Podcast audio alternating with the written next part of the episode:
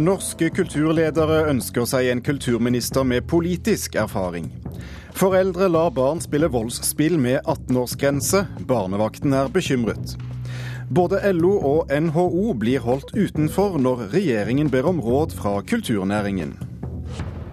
Her er Kulturnytt i Nyhetsmorgen med Thomas Alvarstein Ove.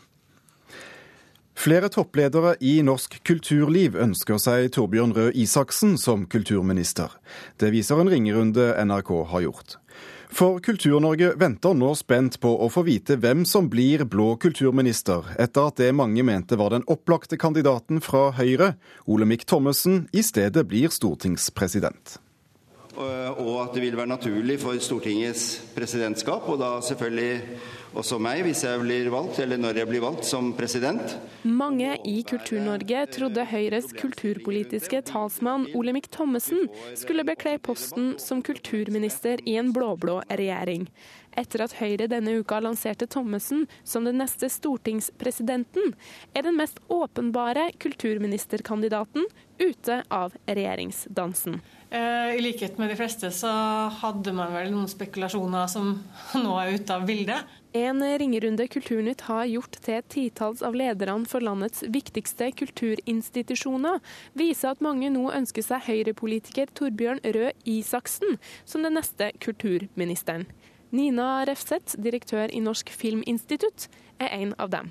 Et uh, spennende navn syns jeg kunne være Torbjørn Røe Isaksen, som uh, er engasjert i kultur og har veldig gode refleksjoner på det. Har også en politisk tyngde. Også Knut Gjøgodt, direktør i Nordnorsk kunstmuseum, peker på Røe Isaksen som en egnet kandidat. Jeg vil tro at man da går kanskje til den yngre generasjon. Da er det jo naturlig å se til Minerva-kretsen, som har profilert seg sterkt. Det sterkeste kortet der er antagelig Torbjørn Røe Isaksen. Vi fortsetter jo da vårt arbeid med gjennomgang av ulike områder og annet. Mens den kommende regjeringa nå meisler ut sin politikk på Sundvolden hotell, håper de fleste av kulturlederne vi har snakka med, at regjeringa vil opprettholde Kulturdepartementet som et eget departement, og at Høyre er partiet som inntar departementslokalene. Jeg vil vel også forvente at en kulturminister kommer fra Høyre sier Knut Gjøgodt. Fordi eh, Høyre er et parti som har signalisert eh, at de tar kulturlivet på alvor. I tillegg vektlegger et stort flertall politisk kunnskap og erfaring framfor forankring i kulturlivet som de viktigste egenskapene hos den neste kulturministeren. Først og fremst så tenker jeg at det er viktig at det er en erfaren politiker. Sier Nina Refseth i Filminstituttet. En eh, person som er selvfølgelig engasjert i det og interessert i det. Teatersjef ved Nationaltheatret, Hanne Tømta, ønsker seg en kulturminister med et genuint engasjement for kulturfeltet. Men som også øh, forholder seg til øh, kunstens øh, egenverdi. Hun tror ikke kulturministeren nødvendigvis trenger å være en politisk ringrev, og trekker frem sjef for Den norske opera og ballett, Tom Remlov, som en mulig kulturminister fra egne rekker. Hvis jeg skal se for meg en kulturminister som er kunnskapsrik eh, og har bred erfaring fra kunst- og kulturlivet, så kunne kanskje Tom Remlov vært en eh, flott eh, kulturminister. Så det spørs om de ønsker med politisk erfaring eller med kunstnerisk kompetanse. Reportere her var Helga Rognstad og Eirin Venås Sivertsen. Agnes Moxnes, kulturkommentator i NRK. La oss begynne med slutten. Opera- og ballettsjef Tom Remlov som en eh, bransjekandidat til kulturministerstolen. Det, hva tror du om det? Ja, Han har jo veldig bred erfaring. Han har vært direktør både for norsk film og i mange år nå for norsk opera og ballett. Eh, han liker rampelyset, han kan kulturpolitikk etter hvert. Men eh, jeg tror ikke han blir ny kulturminister. Mange ønsker seg Torbjørn Røe Isaksen som kulturminister, hører vi. Hvor godt egnet er han? Ja, jeg er ikke overrasket over at kulturlivet nevner uh, Torbjørn Røe Isaksens navn. Han, er, uh, han skal inn i regjering, det er det ingen som er i tvil om. Og jeg tror han, han kommer til å ha Det er litt sånn Jonas Gahr Støre-takter over han. Han trives utmerket godt i kulturlivet eh, og i åndslivet. Han er opptatt av ideologi og debatt. Han har vært veldig synlig i debatten både i aviser, hvor han har hatt faste spalter både i, i Dagsavisen, Morgenbladet, har også skrevet mye i Klassekampen og, og Dagsavisen, og vært veldig ivrig debattant på, på nettet. Så, og, og dessuten da at han da tilhører denne yngre generasjonen. Men blir han kulturminister? Nei, han skal nok inn i regjering, men han, mange tror jo at det er nesten helt sikkert at det er arbeidsminister han blir. Og da, når han da er ute i, eh, av dansen, så, så, spekulerer Dagbladet i dag også i mulige kulturministre, og foreslår bl.a. Arne Hjeltnes og tidligere kulturbyråd i Oslo Torgeir Ødegård sammen med FrPs Ib Thomsen. Er det gode kandidater? Ja, jeg tror ikke Fremskrittspartiet kommer til å få Kulturdepartementet. Eh, Erna Solberg har sagt mange ganger at hun vil ha erfarne politikere inn i på i regjeringskontorene. Arne Hjeltnes kunne kanskje bli en god statssekretær. Tror ikke han har erfaring nok til å bli kulturminister. Torger eh, Ødegård, eh, selvfølgelig et eh, navn. Mange navn er nevnt, også da Aftenpostens kulturredaktør Knut Olav Åmås. Nikolai Astrups navn er nevnt, Linda Hofstad Helleland. Mange navn, og det ble jo selvfølgelig mer komplisert etter at Olemic Thommessen ble stortings president. Men flertallet av de eh, kulturlederne vi har snakket med, mener eh, at politisk erfaring er viktigere enn god kontakt med kulturlivet, som, eh, som da en, en fra kulturlivet selv ville hatt. Hvorfor tror du de sier det? Ja, Det er vel fordi at de vet at det er viktig at uh, kulturpolitiker eller kulturminister har, uh, kan det politiske spillet. Uh, og kanskje det viktigste er at det har gode kontakter inn i partiet sitt. Da Åse Kleveland var kulturminister, hun var en utmerket og veldig synlig kulturminister. Men en av hennes viktigste saker, altså få plassert, gjøre et operavedtak og få plassert operaen på Vestbanen, fikk hun jo ikke gjennom nettopp fordi at hun ikke hadde tilstrekkelig tydelig støtte i sitt eh, eget eh, parti. Dagbladet spekulerer også i dag om at kultur kan bli slått sammen med andre departementer. Eh, hvor sannsynlig tror du det er? Jeg tror det er nesten helt sikkert at vi får en egen kulturminister. Noe annet ville være et veldig dårlig signal å sende inn til kulturlivet etter at de rød-grønne har markert seg så sterkt på Kulturløftet. Men det kan være at Kulturdepartementet blir større, altså at de får ansvaret for kulturminnevern, altså Riksantikvaren. At de får ansvaret for kulturskoler og f.eks. kirkespørsmål. En annen måte det kan løses på, er jo at man får større departement, men med flere statsråder, sånn at kulturministeren blir større, en del av et større departement. Og vi har eh, to uker til vel å spekulere på før vi får svaret. Takk skal du ha, Agnes Moxnes.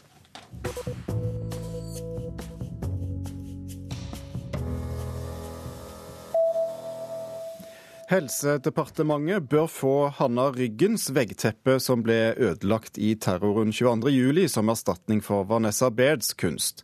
Det mener spesialrådgiver Anne Kari Lande Hasle i Helsedepartementet. Hun sier til Dagsavisen at departementene bør ha mer å si når det gjelder utsmykninger, og betegner samarbeidet med Koro som utfordrende. Vanessa Bairds bilder skal fjernes fordi ansatte i Helsedepartementet synes de minner dem om 22.07-terroren. En amerikansk storjury har eh, besluttet å ta ut tiltale mot 13 medlemmer av hackergruppen Anonymous for dataangrep mot en rekke institusjoner. Angrepet, kalt Operation Payback, skjedde i 2010. Ifølge tiltalen skal hackerne ha inngått en sammensvergelse om å skade og bryte seg inn i sikrede datamaskiner. Mikrobloggtjenesten Twitter håper å selge aksjer for rundt 6 milliarder kroner når selskapet debuterer på børsen, trolig i starten av november. Twitters børsprosjekt omtales som det mest ettertraktede fra IT-bransjen siden Facebook gikk på børs i mai 2012.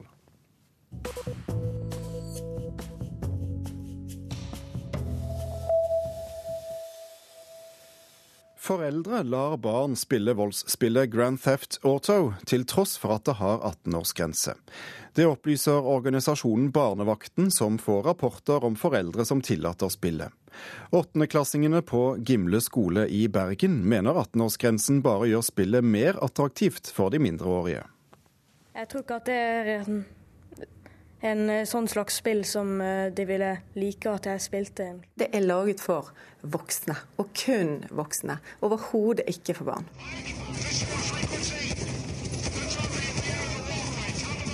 Den siste versjonen av spillet Grand Theft Auto ble nylig lansert. Der får man poeng bl.a. for å rane banker og skyte og drepe. Mange barn spiller GTA til tross for 18-årsgrensen. Det sier Merete Klausen Moe fra organisasjonen Barnevakten.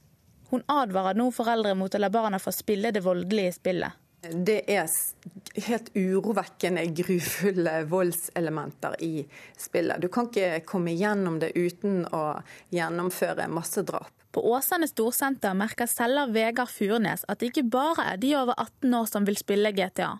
Eh, I stor grad så er det folk som er fra 18 til 21 år ca. Merker dere at barn under 18 år prøver å kjøpe spillet?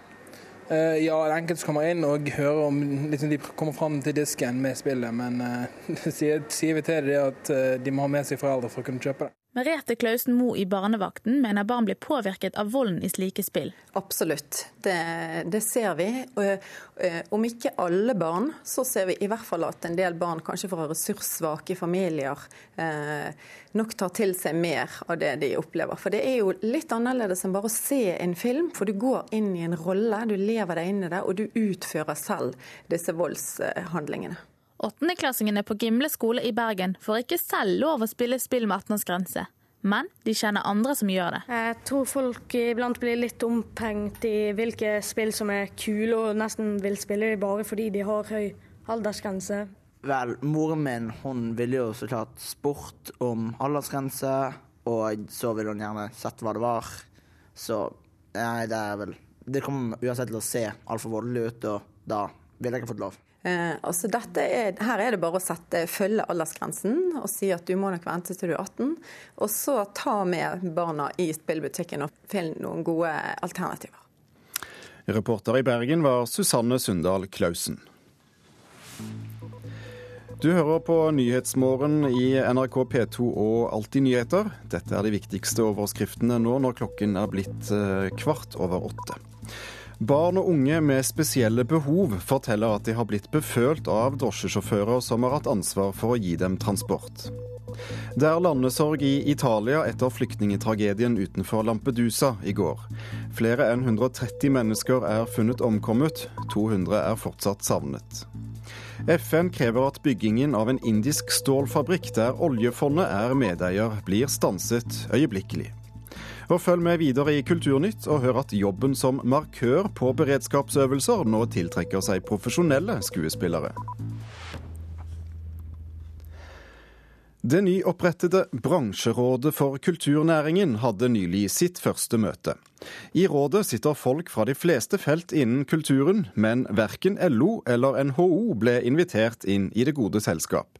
Dermed sendte begge organisasjonene protestbrev til Kulturdepartementet, og inviterte seg selv. Der står det vi viser til brev datert 22.8 det er per tiden ikke aktuelt å utvide rådets størrelse noe mer. Vi kan derfor ikke innfri deres ønske om å sitte i rådet. Med vennlig hilsen. LO-sekretær René Kristin Rasmussen er ikke nøyd med brevet fra Kulturdepartementet med svar på LO sitt spørsmål om å få være med i det nye bransjerådet for kulturnæringen. Altså det viktige med å være med i dette rådet, det er at dette rådet skal gå gjennom flere regjeringer. Det skal være et rådgivende organ til hvilken vei kulturnæringene eh, skal gå. Og det er klart det er viktig for oss som er opptatt av trygge og gode arbeidsplasser, og mange arbeidsplasser, og gode vilkår for arbeidstakerne, å få lov til å kunne være med på å legge ut den veien. Men det er ikke bare LO som kjenner seg utenfor. For næringslivets hovedorganisasjon NHO har òg sendt brev til departementet for å be om et rådssete. Og de har fått samme svar som LO blankt nei. Jeg er faktisk nesten litt lattermild. Sier direktør i NHO Reiseliv, Kristin Krohn Devold. For det er jo litt spesielt at den som skal jobbe med kulturutvikling, ikke vil ha med den største næringsorganisasjonen for reiselivsbedrifter, som også kobler reiseliv og kultur tett sammen. Bransjerådet ble nedsatt i mai i samband med regjeringas nye handlingsplan for kulturnæringene. Og meningene med rådet er Oppgavene er å gi regjeringen råd. at de på bakgrunn av sine erfaringer kan fortelle hva problemet er, og forhåpentligvis også bidra til å finne gode løsninger. Enten det er å se på ordningene i Innovasjon Norge og Kulturråd, eller andre ting som kan bidra til at vi får fart i kulturnæringene i Norge. Ifølge statssekretær i Kulturdepartementet Mina Gerhardsen. Bransjerådet er nedsatt med folk som har ulike typer kulturbakgrunn. Så de som er med her, har, har kulturbakgrunn fra alt fra film til dataspill til uh, være manager eller festivalarrangør. Og der mener LO de har en naturlig plass. Nei, man kan jo begynne å lure på om de har tenkt på uh, kultur som næring når de satt ned utvalget. Og jeg syns det er uh, veldig merkelig at man ikke har tenkt at den organisasjonen som organiserer flest arbeidstakere innenfor dette feltet, ikke skulle ha en betydelig stemme. Men Gerhardsen er ikke enig med verken LO eller NHO om at de burde sitte rundt bransjerådsbordet. Dette er ikke et fora for arbeidstaker- eller arbeidsgiverspørsmål, dette er et fagforum. Derfor har vi ikke syntes det har vært naturlig at disse er representert der. Dermed må arbeidstaker- og arbeidsgiverorganisasjonene sitte sammen på gjerdet, og for en gangs skyld på samme side mot det Arbeiderpartistyrte departementet.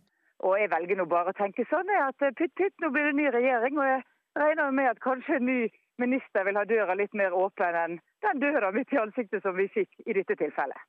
Eller er kjent for å være gode venner med Arbeiderpartiet. Deler du Kristin Krohn Devold sitt synspunkt?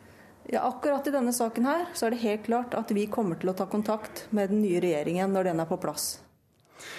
Sa René Rasmussen i LO til reporter Maria Pile Svåsand.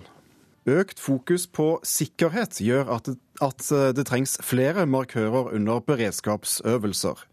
Nå ser vi også en økende interesse for slike roller blant profesjonelle skuespillere, sier Hauk Heierdal i Norsk Skuespillerforbund. Nei, altså Det å overleve som skuespiller det er ikke så enkelt. Uh, og dette er jo veldig morsomme jobber. Definitivt. Her er det ikke Her er det mulig å få spilt ut litt. Spilt litt smerte, spilt litt død osv. Så, videre. så uh, Så dette er morsomme jobber. Så nå må jeg bare blande noe blod. Det er litt tykt blod, da. Søstrene Mette Tønnesen og Siri Kaspersen gjør seg klar til dagens øvelse. Det er helt daglig hos oss. Blod er helt vanlig. Som andre prater om melk, så prater vi om etter nesten 20 år med faste jobber som markører, har de spilt mye skader opp igjennom. Indre skader, mave, på rygg, nakkeskader, hodeskader, inhalasjon, hjerteinfarkt med stans, brudd, åpent brudd, lukka brudd. Stikkskader. Stikkskader gjennom av, stikkskader gjennom Ja, det er alt. Epilepsi. Epilepsi ja. Sukkersyke. ja, sukker. Hva har vært det verste å spille, da? det er ikke noe verst, det er så gøy. Ja, det er gøy. Flere beredskapsøvelser i f.eks. offshorebransje, militæret og politiet gjør at behovet for markører har økt, sier fagrådgiver i Sørlandet sikkerhetssenter Morten Lauknes. Vi trenger flere markører fordi vi har flere folk på kurs. Og når vi har flere på kurs, så er det krav til oss fra selskapene og Norsk olje og gass, som er organisasjon, som gjør at vi trenger å ha flere markører på, på øvelsene. Og bruken av markører i førstehjelpsundervisning er jo kjempesuksesskriteriet for å bli god i førstehjelp. Vi brukte bare dukker før, altså det var det Statoil som ville begynne å prøve med levende markører.